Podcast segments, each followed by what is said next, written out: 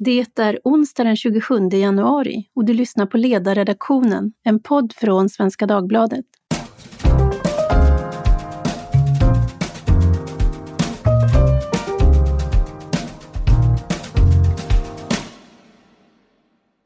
Jag heter Tove Livendal och idag är det Förintelsens minnesdag och min gäst är Daniel Leviathan, arkeolog utbildad på det Hebreiska universitetet i Jerusalem samt doktorand i judiska studier i Lund.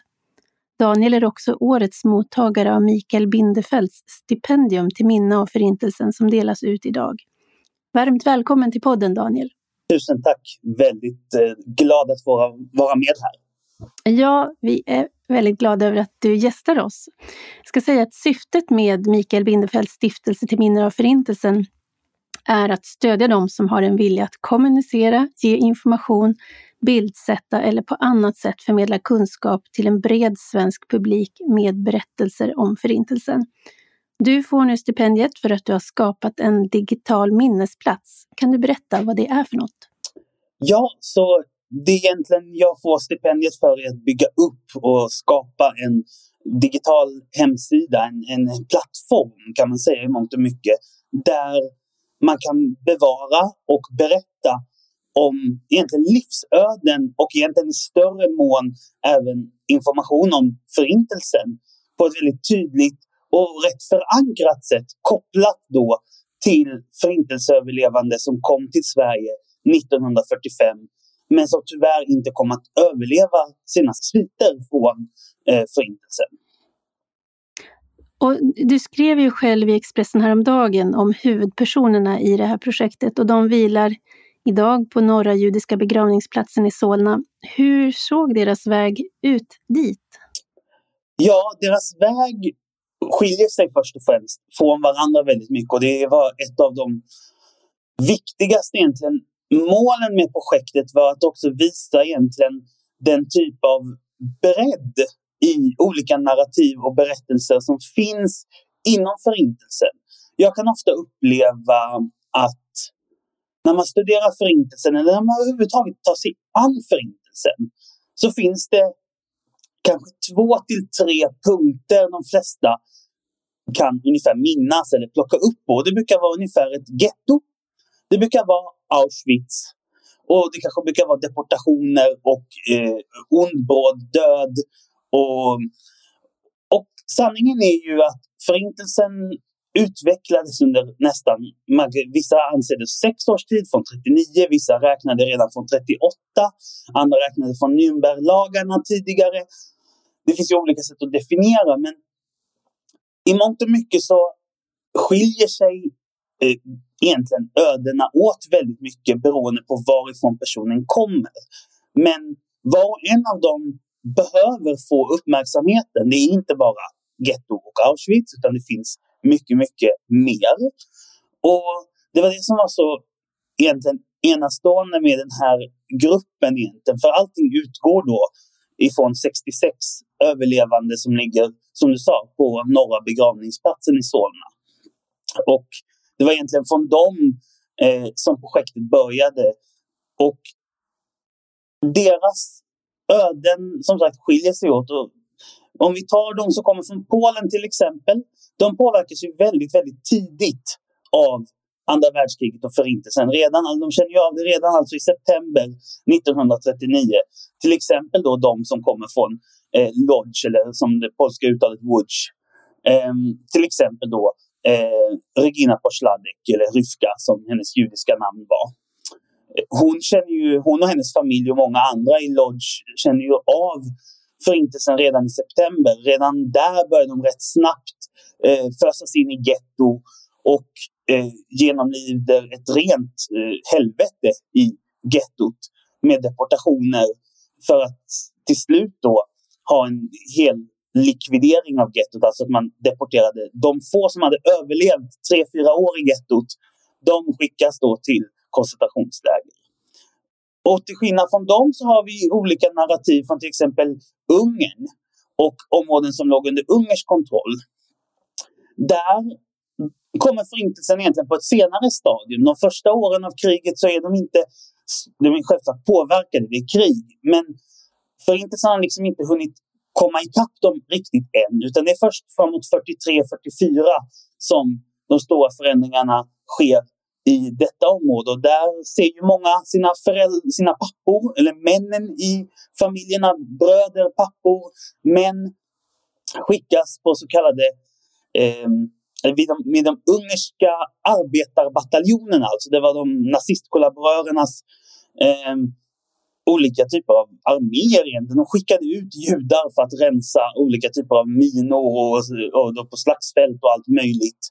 Och tanken var ju att de här judarna aldrig skulle återvända.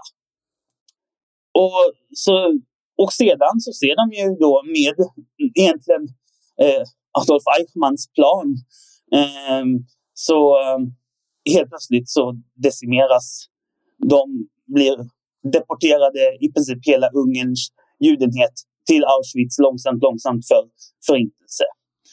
Och när de har kommit till de här koncentrationslägren, Auschwitz och liknande, många passerar faktiskt via Auschwitz, eh, men även vissa som inte gör det. Om de, de överlever selektion, de ser ofta sina nära och kära skickas till gaskammare. De förstår först kanske inte och sen så överlever de helvetet som är där i det här koncentrationslägret för att sedan flyttas vidare från arbetsläger och koncentrationsläger. Och, och i dessa arbetsläger och koncentrationsläger tvingades de ju till slavarbete i olika former som sömmerskor eller fabriksarbetare på olika sätt. För att sen då när eh, de allierade börjar knappa in så tvingas de på dödsmarscher. Och då ofta framåt februari-mars hamnar de flesta i Bergen-Belsen. Och i Bergen-Belsen var situationen fruktansvärd. Det var inte ett läger som var byggt för att ta emot så extremt många människor och därmed så sprids fruktansvärda epidemier bland trångboddheten. Alltså framförallt tuberkulos och tyfus. Och tyfus är en fruktansvärd sjukdom. Och även då olika typer av difteri och diarréer och eh, vidrigheter. Så när britterna faktiskt kommer dit 15 april så upptäcker de ju tusentals på tusentals döda och alltså tiotusentals fångar i fruktansvärt tillstånd. Många har ju alltså dött precis dagarna innan. Vi har vissa av eh, berättelserna jag har forskat i, där har de en faster eller syster eller någonting som ändå har överlevt fram till denna punkt, alltså fram till befrielsen och dör samma dag som befrielsen eller en dag efter. Och vissa dör helt enkelt av att man får i sig för mycket mat, för britterna försöker hjälpa till. Och mm. kroppen klarar inte av det. Och det är egentligen från denna fruktansvärda situation, det är den som leder till att UNRRA, alltså ett, ett flyktingorgan som kommer att bli en del av FN väldigt snabbt, det är ett av de första organen som alltså har namnet United Nations i sig. Och eh, de ber då Sverige att ta emot 10 000 eh, av dessa displaced persons, som de kallar det, alltså flyktingar och Ehm, och Sverige tog emot detta och sa ja och började egentligen förbereda för mottagandet av dessa flyktingar och överlevande. Man såg till att det fanns fem stycken eh, båtar helt enkelt, skepp, som man byggde om och anpassade för att ta emot dem. Och man började egentligen eh, att köra från Lübeck till hamnar i Sverige, fram och tillbaks Tills man alltså fått över, över 9000 överlevande. Och i Sverige hamnar de då på olika framförallt beredskapssjukhus som man hade upprättat, till exempel ett i Sigtuna och olika sanatorier, för de flesta av de här var ju lungsjuka, då TBC och liknande. Så många av sanatorierna som ofta låg i högt och fritt läge och med fin omgivning, eh, till exempel då runt Mälardalen, eh, för att ta exempel på de platser där jag forskat om. Mm. Och eh, de här personerna nu, vad kommer man att få reda på om dem på den här digitala minnesplatsen? Jag vill ju presentera egentligen på var och en av dem det jag har fått fram. I, ibland så är det egentligen nästan bara hemskheterna jag har fått fram. Tyvärr är det så att det som ofta är dokumenterat är eh, den brutala verkligheten och det vidriga de gått igenom. Men jag har hela tiden försökt söka livet bakom detta. För att deras liv var inte att hamna i Auschwitz. Det är inte vad deras liv ska handla om. Jag vill ju verkligen ge någon slags upprättelse och lyfta vilka de faktiskt var. Så därför har mycket av min, min forskning fokuserat på att försöka se hur, vilka deras familjer var, vad syskonen hette, hur, hur såg deras familjesituation ut, var levde de, vad fanns i den här staden? Och det är mycket sånt som jag kommer vilja egentligen få till, förutom att den här lite verkligen brutala narrativet om vad som faktiskt händer i Förintelsen, så vill jag eh, försöka få fram så mycket information jag kan om deras liv innan och vilka de faktiskt var. Och många fall så är det väldigt svårt. Det finns inte så jättemycket information. Det är, det är rätt eh, torrt ibland och, och ibland är det väldigt magert framför allt. Men som tur är så kan man ofta egentligen genom att se om någon kom från staden Lodz till exempel i Polen. Vi vet att Lodz var en judisk kulturell eh, nästan huvudstad i Polen. Det var alltså en extremt eh, livlig och färggrann stad med en tredjedel av stadens befolkning var judar. Fantastiska synagogor, lärocenter, akademier. Alltså det fanns ett helt enastående judiskt liv på många av de här platserna. Och det är samma sak i Budapest och i Wien och på de, många av platserna som de här eh, människorna kom ifrån. Och jag hoppas ju att egentligen deras öden kan också bli en typ av port, en typ av ingång till att lära sig mer om ett Europa som stod för bara 80 år sedan. För 80 år sedan så var nästan varenda europeisk stad fylld med en livligt judiskt liv som idag är praktiskt taget utrotat. Vi den europeiska judenheten idag i mångt och mycket lever i någon typ av spillra av vad som en gång var. Och det är väl en av de stora sorgerna jag har känt när jag har forskat om detta. Att jag har väl fattat vidden av hur mycket mänskligheten förlorade här. Eh, och det talar alltså utöver sex miljoner människor. Så är det ju en... Alltså det, det är så ofattbart att det går knappt att definiera. Mm. Kanske det också kan bli så att när den här eh, minnesbanken, minnesplatsen är utvecklad, att det också kan bli så att eh, folk hittar igen och kan liksom komplettera och hjälpa till att bygga ut informationen? Ja, det hoppas jag absolut. Ja, min, min, min högsta dröm, och jag tror att den, det är en dröm som kan gå eh, att uppfylla faktiskt, det är en realistisk dröm, är ju att det här projektet, just nu har jag ju fokuserat på de som ligger i Stockholm, men det finns ju ex, väldigt liknande narrativ och berättelser i Göteborg, i Kalmar, i Norrköping, i Malmö. Jag har redan egentligen sedan det här publicerades för några dagar sedan fått enormt, enormt mycket mejl runt om i Sverige. Både folk som vill berätta att min mamma kom med vita båtarna, min pappa kom med vita båtarna. Vad fantastiskt att du lyfter den här berättelsen. Men framför allt, jag känner till de här gravarna på, på den här kyrkogården eller begravningsplatsen. Kommer det bli en del? Och jag hoppas ju verkligen att jag egentligen bara lanserar här en, en plattform som många fler kan hjälpa till att bygga upp. Jag vill verkligen att det här är ju någonting som är en angelägenhet för hela Sverige. Det är på riktigt en del av vår svenska historia. Vi ska vara stolta över den här eh, aktionen Vita båtarna. Och framför allt så måste de här människorna kommas ihåg och vi får ju inte glömma dem. Och denna, dessa narrativ väntar bara på, och dessa öden mer än narrativ kanske, väntar på att berättas igen. Att det är därför jag kallade dem för förlorade röster. Men vi, vi kan aldrig ge tillbaks de rösterna. Rösten, deras röster är förlorade.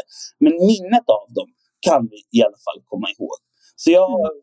jag önskar ju verkligen att, och det, det hoppas jag och håller alla tummar för, att framöver så kommer det här växa så att vi kan inkludera eh, berättelserna i Göteborg, berättelserna i Örebro och Kalmar och allt. Så att det växer och att man hela tiden egentligen kan fylla på eh, hemsidan. Nej, men lite som en informationsdatabas där det hela tiden egentligen kan fyllas på mer forskning och mer information för att jag tror att på så sätt så kan ju verkligen detta bli ett verktyg för framtiden. För framtida undervisning, för alla som vill lära sig mer om Förintelsen på ett rätt bra och enkelt sätt. För jag tror att genom att verkligen koppla sig till ett öde så kanske det kanske är lättare för människor att på så sätt känna någon form av koppling. När man verkligen mm. får ett öde att läsa om. Det, har, det vet vi ju att det är ofta lättare att läsa en bok av en överlevande än att försöka titta på en, eh, liksom en dokumentär om Förintelsen. Men det tror, jag, det tror jag verkligen. Jag var ju och såg den här eh, mobila utställningen som har turnerat runt i landet eh, kring Titanics förlisning. Och det slog mig att den var så bra gjord, lyckades till och med få mina rätt små barn då att gå runt i 90 minuter och var helt fascinerad just därför att de berättade om människorna som var med och inte så... Alltså, förloppet och vad som hände, det vet vi ju, men det var människorna som fick framträda och det tror jag gjorde all skillnad. Och jag, tror, jag tror att det, det låter ju precis som de tankar jag har. För jag tror att historia många gånger kan skrämma människor. Jag är ju en historienörd. För mig det är ju vad jag gillar att läsa om. Men jag vet att många tycker att det är jobbigt med årtal. Det är, det är för tungt, det är för mycket. Och att istället då möta en person. Och jag hoppas ju framförallt för skolelever, de som går i nian och studerar Förintelsen, så kommer de ju möta någon som är i eh, deras ålder faktiskt. För många av de här eh, överlevande, framförallt flickorna, de var mellan 11 och 15, 16 när kriget bryter ut och de är knappt 20 när de kommer hit. Så det är verkligen samma ålder som de som i skolan studerar eh, om Förintelsen är. Mm. Jag hoppas ju verkligen att vi kanske kan nå fram på ett starkare sätt än att prata om 6 miljoner. 6 miljoner är så fruktansvärt abstrakt. Det går ju liksom inte ens att fatta. Vad är 6 miljoner? Eh, det, det, är en sån gigantisk siffra att man vet inte hur man ska ta sig till. Och för att det lägga till också de miljoner som dör under andra världskriget generellt. Mm. Det är siffror som är praktiskt taget omöjliga att ta in. Utan jag tror verkligen att man behöver nå på praktiskt taget individnivå. Mm. Och du, här är det ju både då att du eh, försöker göra dem till mer, upprätta dem som personer och inte bara, man är inte bara ett offer för det som händer, det är upp, det är det uppenbara, men man var mycket mer än så. Och det handlar ju också om att ibland också få, få stavningen av namnet rätt som jag har förstått det. Precis, för att, och det, det är precis det. Och, och, det är ju det viktiga i detta. Jag vill ju verkligen på något sätt belysa personen bakom graven. För att en, en grav är en grav, men jag vill verkligen, och ett offer är ett offer, men personen bakom. Och i många fall, precis som du säger, så och varför? Jag har inget svar på varför det blev så. Men det finns många slarvfel. Jag kallar det nästan slarvfel för det känns som slarvfel på gravstenarna. Det är fel ursprungsland. Eh, till exempel Regina Posladek då från Lodz som ligger i Polen. Hon står skriven som att hon kom från eh, Tjeckoslovakien. Och det är ju helt fel. Och, och det är ju inte så att Tjeckoslovakien och Polen ligger så pass nära och Lodz är så pass nära att man på något sätt kunde råka ta fel. För det finns ju vissa områden som hela tiden byter eh, tillhörighet, eller vad man ska säga. Alltså, framförallt områden runt gränsen där mellan eh, Tjeckoslovakien och Ungern och så, och Rumänien. Där finns det hela tiden territoriella förändringar.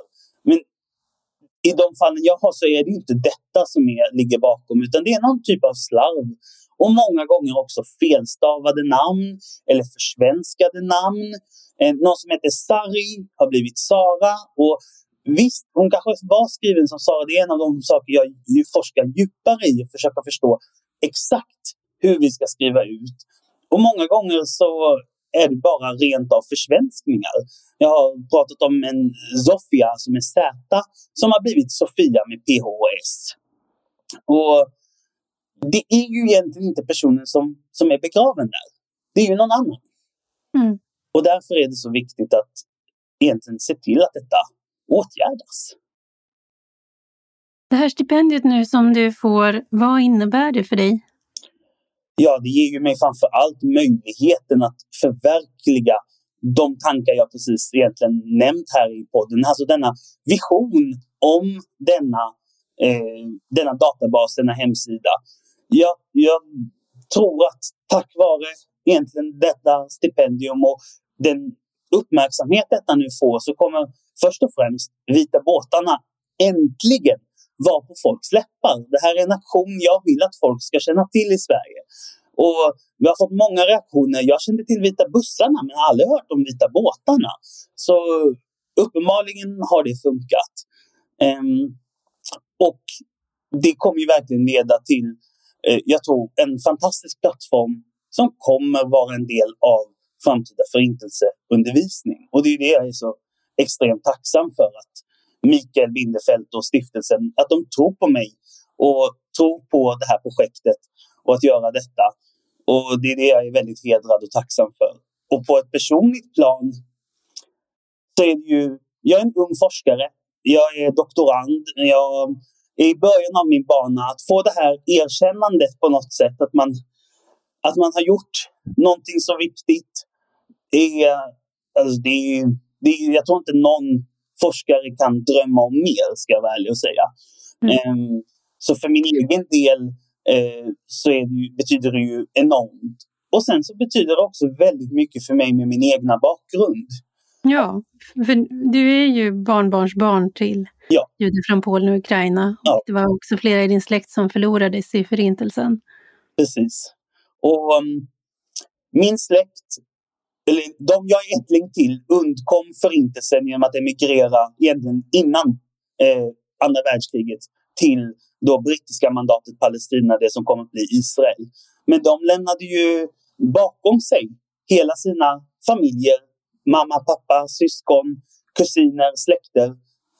Och genom hela mitt liv så har det ju alltid varit en, alltid funnits hemma hos gammelmormor en bokhylla med porträtt på alla de som inte överlevde. Och min mormor har ju berättat så många gånger hur hon växte upp i Israel då på en kibbutz. Och att ingen av barnen hade en mormor eller morfar eller farmor eller farfar. Och eh, den, bara den tanken är helt... Den går ju knappt att ta in. Att ingen av barnen hade det. Och så Förintelsen har ju på så sätt alltid varit med i mitt liv på ett sätt.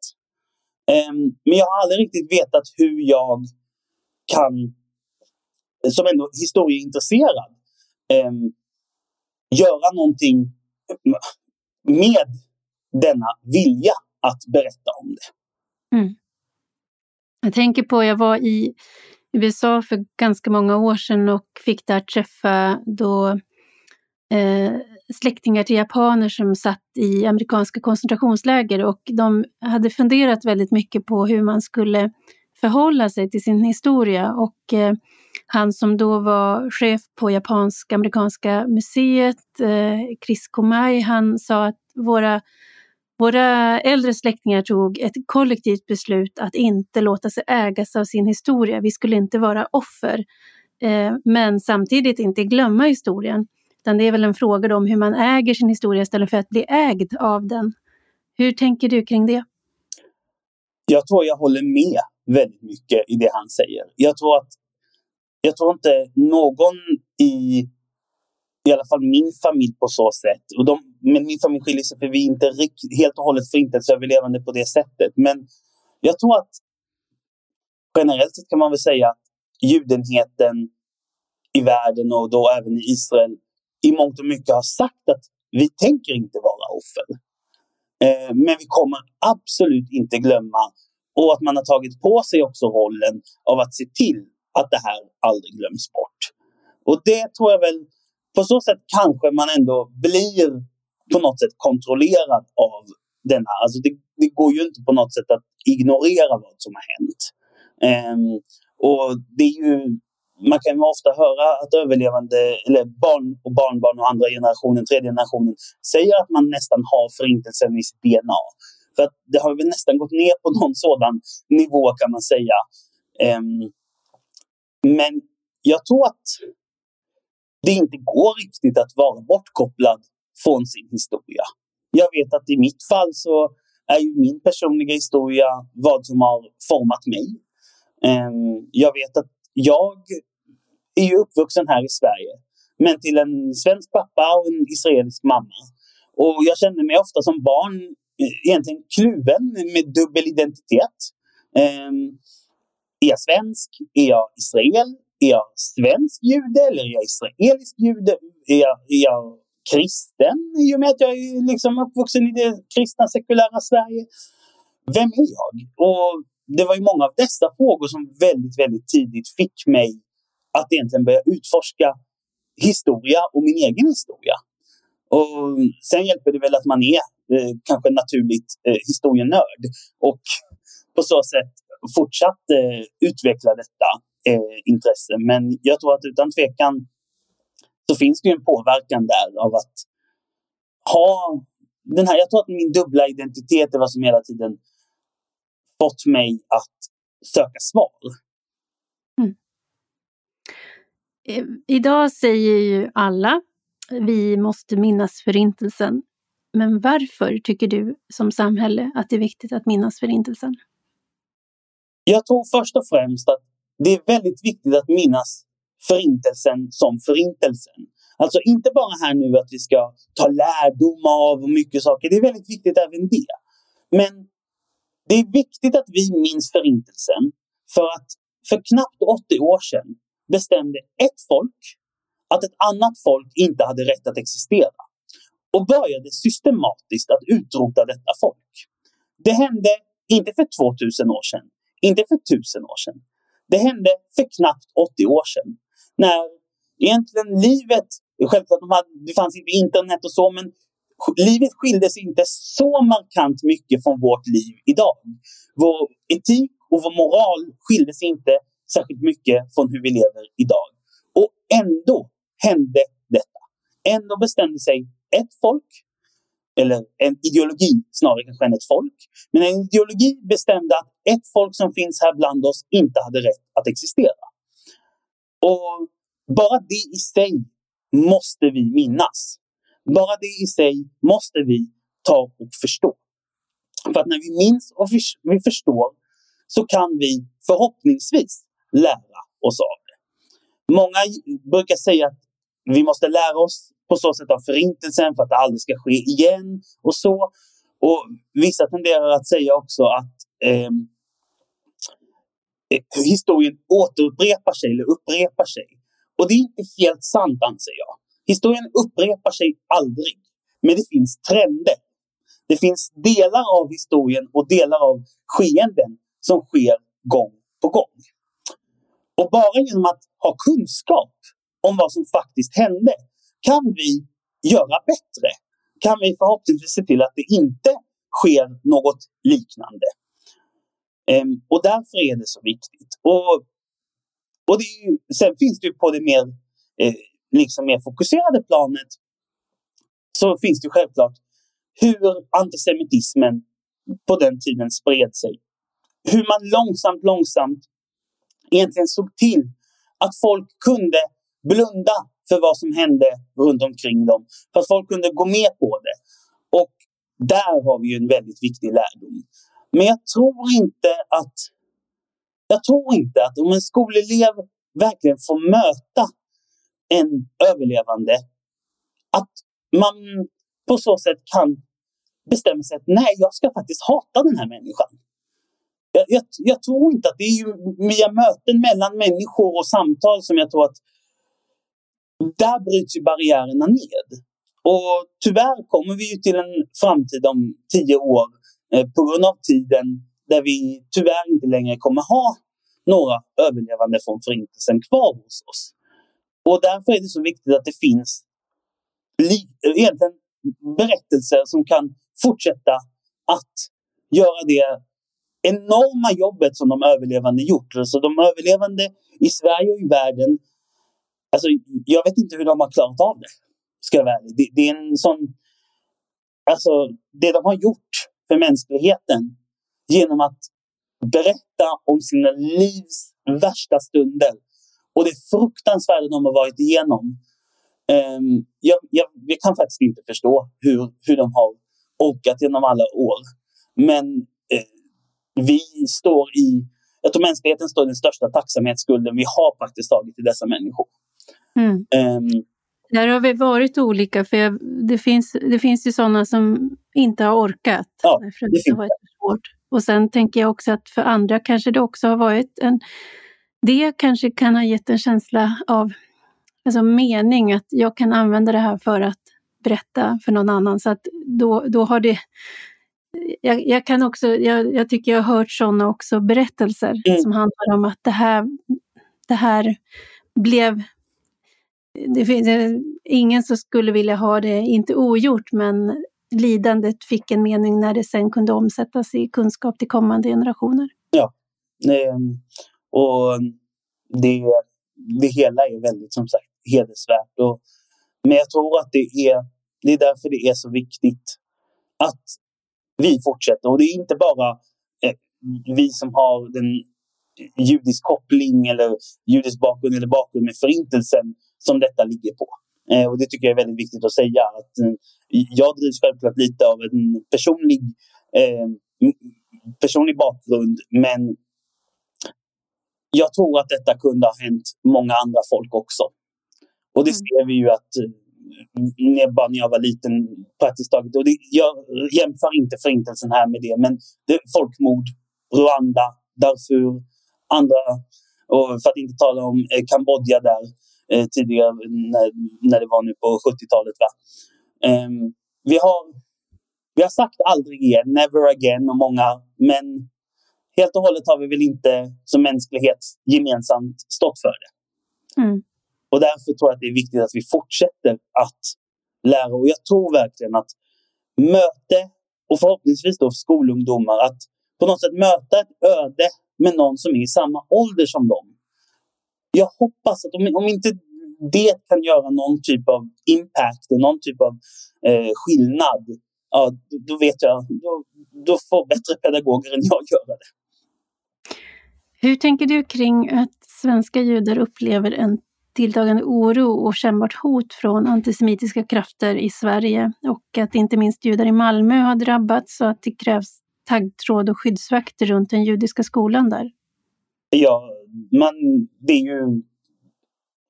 Alltså, det är hemskt. Det är vidrigt. Eh, jag har liksom svårt att säga det på ett bra sätt nästan. Eh, hur, hur sorgligt det är.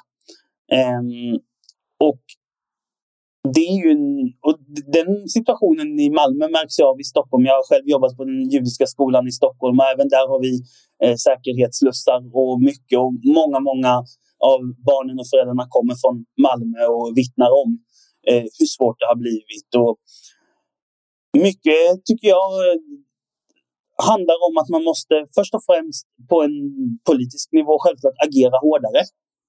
Man måste mycket mer styrka och mycket tydligare.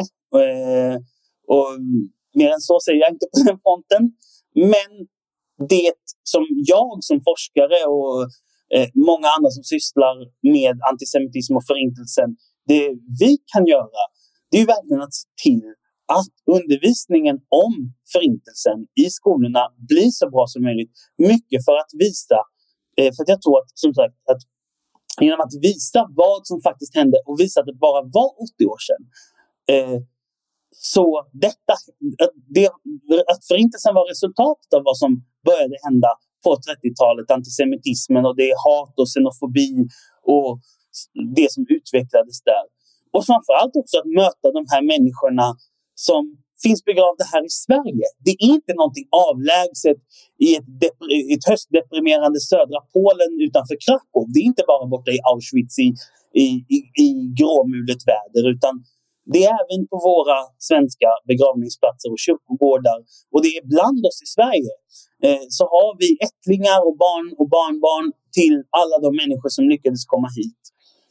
Så det här är en högst hög, högst del av svensk historia som jag också hoppas på så sätt kan att det kanske gör det lättare att relatera till. För det är ju egentligen det viktiga. Jag tror att så länge vår utbildning når fram i denna formativa stadium som är högstadiet. Att, att så länge våra barn förstår vad som hände eller lär sig. Och, och då även lyfta andra folkmord självklart utöver förintelsen. Så det är hela, hela paketet talar jag om.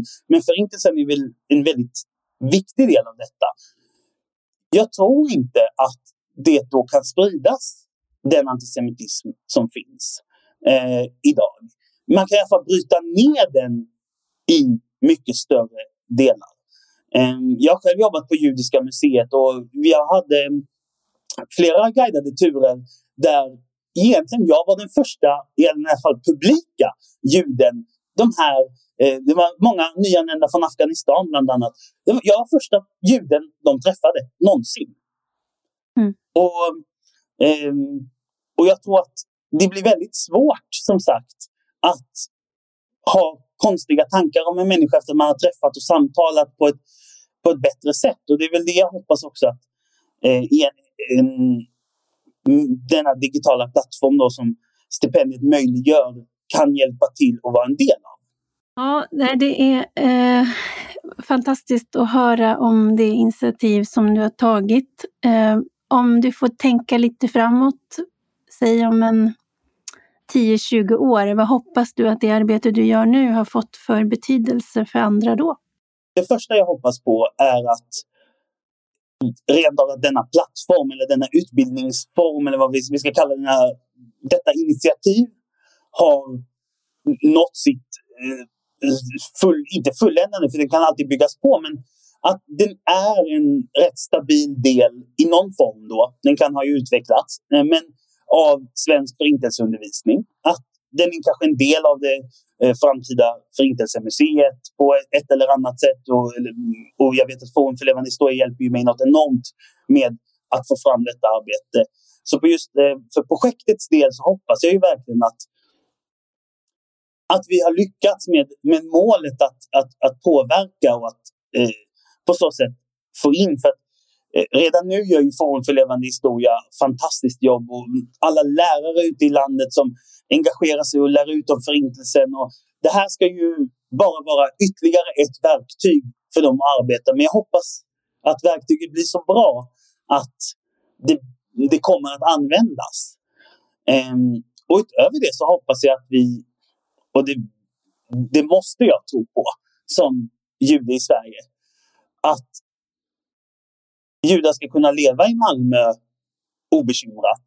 Att de ska kunna leva i hela Sverige obekymrat och utan antisemitism och inte vara rädda eh, för NMR eller för eh, därmed vänsterextrema eller eh, olika typer av eh, då, islamistisk antisemitism utan att vi verkligen kan leva mm, säkert här i Sverige, i det land som ändå eh, har haft en, ett judiskt liv i över 250 år för att inte tala om då de många som kom efter förintelsen. Så det är väl vad jag hoppas eh, just om projektet och runt antisemitismen. Stort grattis till stipendiet eh, och stort tack för det arbete du gör och tack för att du också medverkade i podden idag, Daniel Leviathan. Tack så mycket för att jag fick vara med. Tack också till er som har lyssnat. Har ni frågor eller funderingar eller förslag på annat vi ska ta upp så hör ni av er som vanligt till ledarsidan svd.se. Producent idag var Jesper Sandström. Tack för idag.